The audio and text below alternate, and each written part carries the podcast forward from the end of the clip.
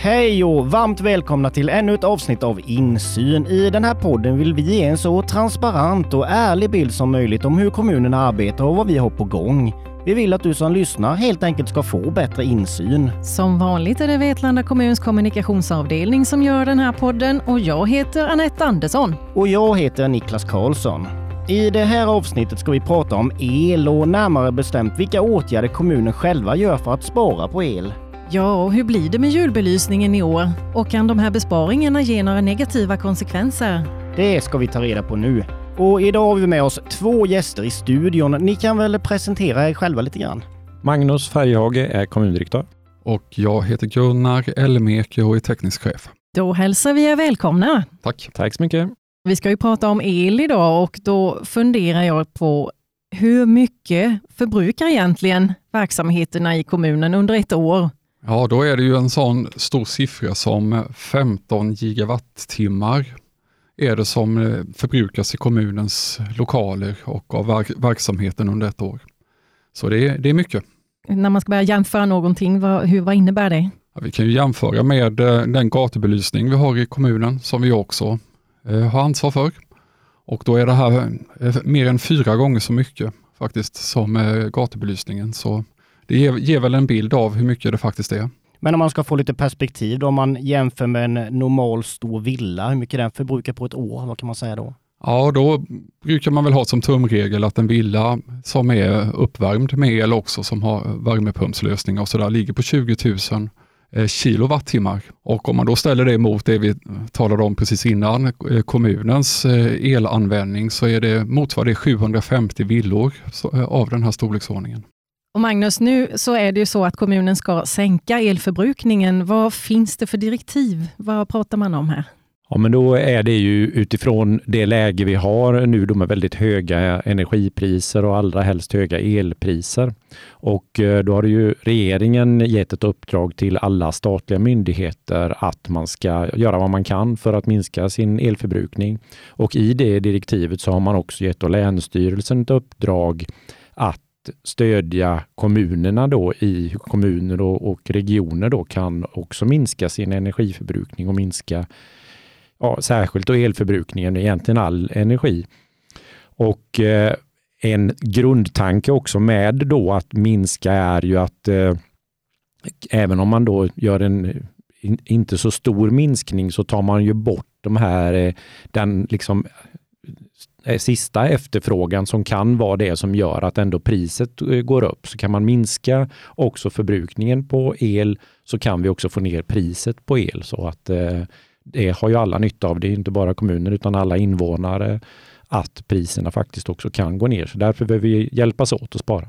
Men ni har ju fått i uppdrag att inventera och ta fram förslag nu då på el och energibesparande åtgärder. Vad innebär det uppdraget och mer konkret, hur långt har ni kommit? Det här är ju eh, ett, ett uppdrag som eh, har haft nu bara ett par veckor och, och det här är ju liksom både kort och, och lång sikt. Och det som jag egentligen har gjort är ju att sprida information till då det högre chefsledet i organisationen att börja titta. Men det är ju mycket då tekniska, vi är med Gunnar här idag i vår egen organisation som ansvarar för mycket av det som ändå skapar den större elförbrukningen.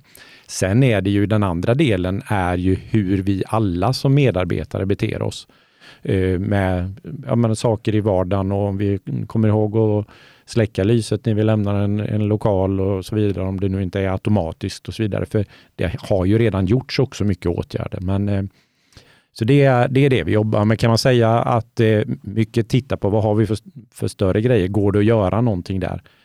Samtidigt så är det också så att vi har gjort mycket. Vi gör ju liksom det i vardagen för att ha en så liten förbrukning som möjligt. Så det är inte så där alldeles lätt att hitta några stora åtgärder, det är det inte. En fråga där då, för att eh, man kan höra liksom att olika kommuner ligger ju olika långt framme, både i ett tidigare skede så att säga. Eh, hur ligger Vetlanda kommun i förhållande? Har ni gjort mycket under en, en period innan, fram tills idag? Jag vet inte om Gunnar, om du har något svar. Jag tror att det är, det är, svårt att relatera det precis till andra kommuner, men visst har vi gjort åtgärder under en lång tid? Ja, jag vill ju mena att vi, vi har jobbat med vårt eh, fastighetsbestånd under många år egentligen, där vi gör åtgärder för att eh, hitta effektiviseringar när det gäller våra tekniska system i byggnaderna. Det är ju ventilation och värme och belysning och sådär. Och det passar vi på att göra i samband med att vi ta de här lite större tagen som nu till exempel när vi bygger Landsbro skola och kommit igång med Tomaslundsskolan och sådär. Så har vi med oss den här typen av åtgärder. Men även när vi gör lite mer riktade åtgärder som också kommer vara aktuellt, har varit aktuellt innan och kommer vara aktuellt framöver också. Men vem är det som tar beslut om de här besparingsåtgärderna och vad är det som beslutas av respektive verksamhet och vad som beslutas i politiken då? Det allra mesta eh, av det jag tänker mig i alla fall är ju här åtgärder där man fattar beslut i verksamheten direkt och där man har det mandatet. Det handlar mer om att anpassa ett beteende och göra det man, man liksom eh, ska eh, egentligen för att minska förbrukning, vara liksom klok i hur man agerar, stänga av apparater och så som det som inte behöver vara igång. Mycket liksom beteendeförändringar. Det bestämmer man ju helt själv och sådana mindre åtgärder. Sen håller vi på lite och tittar på, finns det saker där man skulle kunna göra en prioritering där det mer får en påverkan också på eh, kvaliteten. Nu har inte vi liksom i någon utsträckning det, men vi har eh, ja, men som exempel eh, ett par samlingslokaler som kommunen äger och inte bedriver någon egen verksamhet i. Och där behöver vi ju inventera då, ja, hur påverkar det de bygderna om vi skulle lägga en sån fastighet liksom i lite ja, sänka temperaturen att, med tanken att den inte skulle användas en period, då skulle det ju påverka verksamhetens kvalitet på ett tydligt sätt. Då skulle jag säga att då är det ett politiskt beslut. Mm. Sen kan jag väl kan haka på där att, att det finns liksom, vi har inte någon, någon tydlig ordning för det, skapa den, liksom att det beslutet kommer att fattas där, utan det får man avgöra lite utifrån vad det är för storleksordning. Men, men eh, som jag tänker i, i, inledningsvis i alla fall, så jag har ju fått uppdraget av kommunstyrelsens arbetsutskott och då redovisar jag ju tillbaks dit om det är sådana förslag och då får vi ju se om det är som beslut som vi tycker vi kan ta där eller om det behöver gå vidare till kommunstyrelsen. Men då Gunnar, om vi tittar lite grann på vilka besparingsåtgärder som görs både på kort och lång sikt. Eh, vad kan du berätta om det? Ja, då vill jag gärna säga eh, att vi har varit tydliga mot våra fastighetsskötare och sådär i, i vår organisation att, att eh, syna våra fastigheter så att vi verkligen har rätt temperatur i lokalerna och att vi har rätt ventilation och rätt anvisningar till den verksamheten som bedriver verksamhet i lokalen. Så att eh, det är viktigt för oss i den delen. Det jobbar vi med. På lång sikt då, vad, hur tänker man där? Ja, men det blir lite, lite samma sak, att vi eh, kommer jobba målmedvetet vidare med detta och det är trots allt det som där, där vi kan förnya och utveckla de här systemen i, i våra eh, lokaler som, som har stor effekt. Sen, sen, så ska vi även jobba med mer tillfälliga lösningar också och det är ju vår avsikt att identifiera det också och gå vidare med. Men då just innetemperatur, det kan ju vara mycket elslukande. Hur tänker man där i våra byggnader och vilken temperatur lovar man att hålla i byggnaderna runt om i kommunen? Ja, det här med temperatur i lokalerna är ju en sån här sak som skulle kunna ha stor effekt. Men det vi eh, säger så här långt det är att vi, vi ligger på de anvisningarna i temperatur som, eh, som eh, är det man eh, rekommenderar. Och då, då blir utmaningen för oss att faktiskt hålla den temperaturen så att vi inte har för varmt i lokalerna. Det är ju en sån här viktig del då. Och Då är det lite olika temperatur beroende på vad det är för verksamhet där vi har lite varmare temperatur på äldreboendena och sen på, i kontorsmiljö och i skolorna så kan vi ha, där är det ju då 20 medan äldreboendena är 22. Och när det kommer till sporthallar och sådär så kan vi ha 18 och, och sen är det det vi jobbar efter. Om man tittar då på simhallen i Myresjö till exempel, den är ju stängd nu då. Eh, kan man se, vad innebär det för eh, elförbrukningen där? Det kommer definitivt ha en påverkan på elförbrukningen. En, en simhall eh, drar ju energi men det är för tidigt eh, ännu att eh, säga vad det får för effekt. Det här är ju en integrerad del med sporthall och Myresjö skola. Så att jag vill vara lite försiktig med att, att dra några slutsatser. Sen är ju också frågan när vi kan öppna igen och det är också en sån här sak som vi kommer återkomma med. Så det är väl egentligen det svaret jag kan ge på den frågan nu. Och man kan väl ändå komplettera där och säga att ja, det är klart att ur rent energisynpunkt så då kan vi kanske tänka att det är en viss besparing. Samtidigt så är det ju väldigt olyckligt och det är ju inte något som är, är planerat utan allra helst hade vi ju velat kunna ha Myresjö simhall öppen naturligtvis. Men eh, nu när det inte går så då gör det inte det och då får vi se som sagt hur snabbt kan vi öppna igen. Men du Magnus, vilka rekommendationer vill vi ge till den kommunala verksamheten och allmänheten då också när det gäller att spara el? Jag tycker just att, att tänka igenom hur man själv eh, gör och beter sig. Jag tror att, eh, jag tror att det är många som redan har, har gjort det utifrån att elpriserna är höga, så att man har säkert ifrågasatt eh, mycket redan.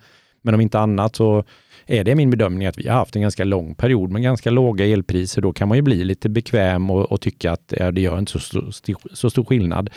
Då är det bra att tänka efter nu. Är det så att jag har eh, i, använder jag torkskåp fast jag inte behöver. Jag kan hänga ut eh, uh, tvätten istället. Eh, uh, startar jag en, en, maskin lite av slentrian när jag kommer till jobbet så åker den där på och så står den och håller vatten varmt eller någonting i onödan liksom ett par timmar innan den faktiskt ska användas. Det är liksom den där typen av vardagsgrejer, att tänka igenom hur, hur gör jag? Vilken påverkan kan det faktiskt få? Sen ska det ju vara sånt som som just spar utan att det faktiskt har någon påverkan på verksamheten. För vi ska ju hålla liksom samma kvalitet i leveransen. Där ska det inte vara någon påverkan. Om vi tittar nu, vi tittar väldigt mycket på besparingar. Hur kan vi göra för att sänka kostnader och allt det här. Finns det några negativa konsekvenser i detta? Att vi kanske drar ner på belysning till exempel? Ja, jag, jag skulle kunna ta den ja. frågan om belysning där. Att den frågan har vi varit på och eh, funderat över. Den bedömningen vi gör så här långt är att vi inte rekommenderar att eh, ta bort, eh, alltså det finns en tanke om att ta bort var tredje belysningsstolpe eh, eller att det har den släckt. Men vi tycker att det, det får sådana konsekvenser eh, på trygghet och säkerhet och det ger inte tillräckligt stor effekt för att vi ska rekommendera det. Utan vi, vi jobbar istället med utbyte av eh, teknik i de här belysningsstolparna så att de drar mindre, mindre Eh, ström istället. Eh, så det är det vi ska fortsätta jobba med. Men hur går den eh, med att byta ut till LED-lampor? För jag vet att ni jobbat med i flera år och att ni byter ut ett visst antal. Kommer ni fortsätta med det nu? Ja, det kommer vi fortsätta med och ska det vara de här energipriserna så är det ju, går det ju motiverat att öka den takten också. Det är inte bara det här att man eh, byter lampan på det viset utan det är även själva armaturen som lamporna sitter i som, eh, som eh, ska med. Så därför är det ett ganska stort tag att göra detta. Nu är det ju snart dags då för julbelysning i centrum och eh, ljusstakar i fönster på våra kommunala byggnader och så vidare. Vad innebär det här nu då? Ja, men när det gäller själva då julbelysningen på gatorna och så, så där har vi sagt att det får bli en, en kompromiss, att eh, vi kommer att ha eh, ljuständningen, eller det har ju NUVAB, eh, då, Vetlanda Handel, ihop med det stöttas ju av, av, kommunen. Vi kommer att ha ljuständningen, ett arrangemang om man träffas, så det är viktigt med det, det sociala. Men eh, den julbelysning kommer inte att lysa hela tiden så som den har gjort innan, utan den kommer att följa gatlyktornas tider då. Så att det blir en, en besparing på det viset. När det gäller eh, ljusstakar och så i övrigt så eh, där får respektive verksamhet bedöma lite hur man kan eh, hantera det, men att vi ändå ska minska antalet där så att vi eh, är återhållsamma med, med den typen av belysning, även om det kan behövas lite ändå för att markera och, och synas att det liksom finns en närvaro. Jag funderade på det här med solpaneler, är ganska vanligt nu. Hur jobbar kommunen med det på både befintliga och nya byggnader? Ja, vi har ju varit med där och eh, bygger eh, solpaneler, särskilt i samband med nybyggnadsprojekt har, har vi gjort det. Inte i lika stor utsträckning på, på äldre befintliga byggnader. Det är ju sådär att vi har, vi har en budget som ska räcka till mycket och det är andra insatser som har varit angelägna för oss också. Men det blir lite samma sak där, att eh, med högre energipriser så är det möjligt att vi får prioritera om där också. Det får tiden utvisa. Och då så har vi pratat ganska mycket om att spara el och i och med det så sparar vi ju också pengar. Men hur mycket vet vi hur mycket det kan handla om på ett år? Ja, det där är en knepig fråga att svara på naturligtvis. Mm. Och, och, vi har ju då de här elpriserna som har stuckit iväg på det sätt som de har gjort. Så det innebär ju att varje besparing ger ju större effekt också. Sen kostar ju en del av de här besparingarna också. Eh, men sett till enbart besparingen i el så borde de här insatserna som vi talar om här kunna ge uppemot en miljon sådär på ett år. Men det är väldigt mycket mellan tummen och pekfingret. Svårt att säga just nu. Svårt att säga. Mm. Ja. Ja, och det här avsnittet börjar lida mot sitt slut, men då tänkte jag bara fråga, vi kan börja med dig Magnus. Vad gör ni själva för att minska elförbrukningen i era hem?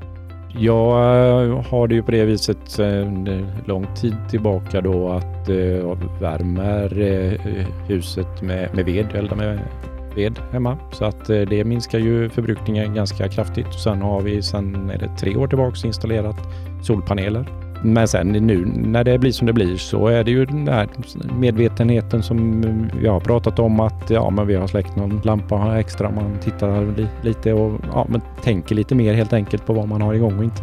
Mm. Gunnar då? Ja, en, en, bra sak som jag har gjort hemma också det är att se, se över fönster och dörrar och sådär, att de är täta. Sen eh, vilken temperatur man har hemma i sitt hem också och om man kan tåla någon grad lägre sådär kan man fundera över. Så det är väl eh, något jag funderar på hemma. Då tackar vi Magnus och Gunnar och så tackar vi för den här gången och är tillbaka med ett nytt avsnitt och ett nytt ämne nästa torsdag.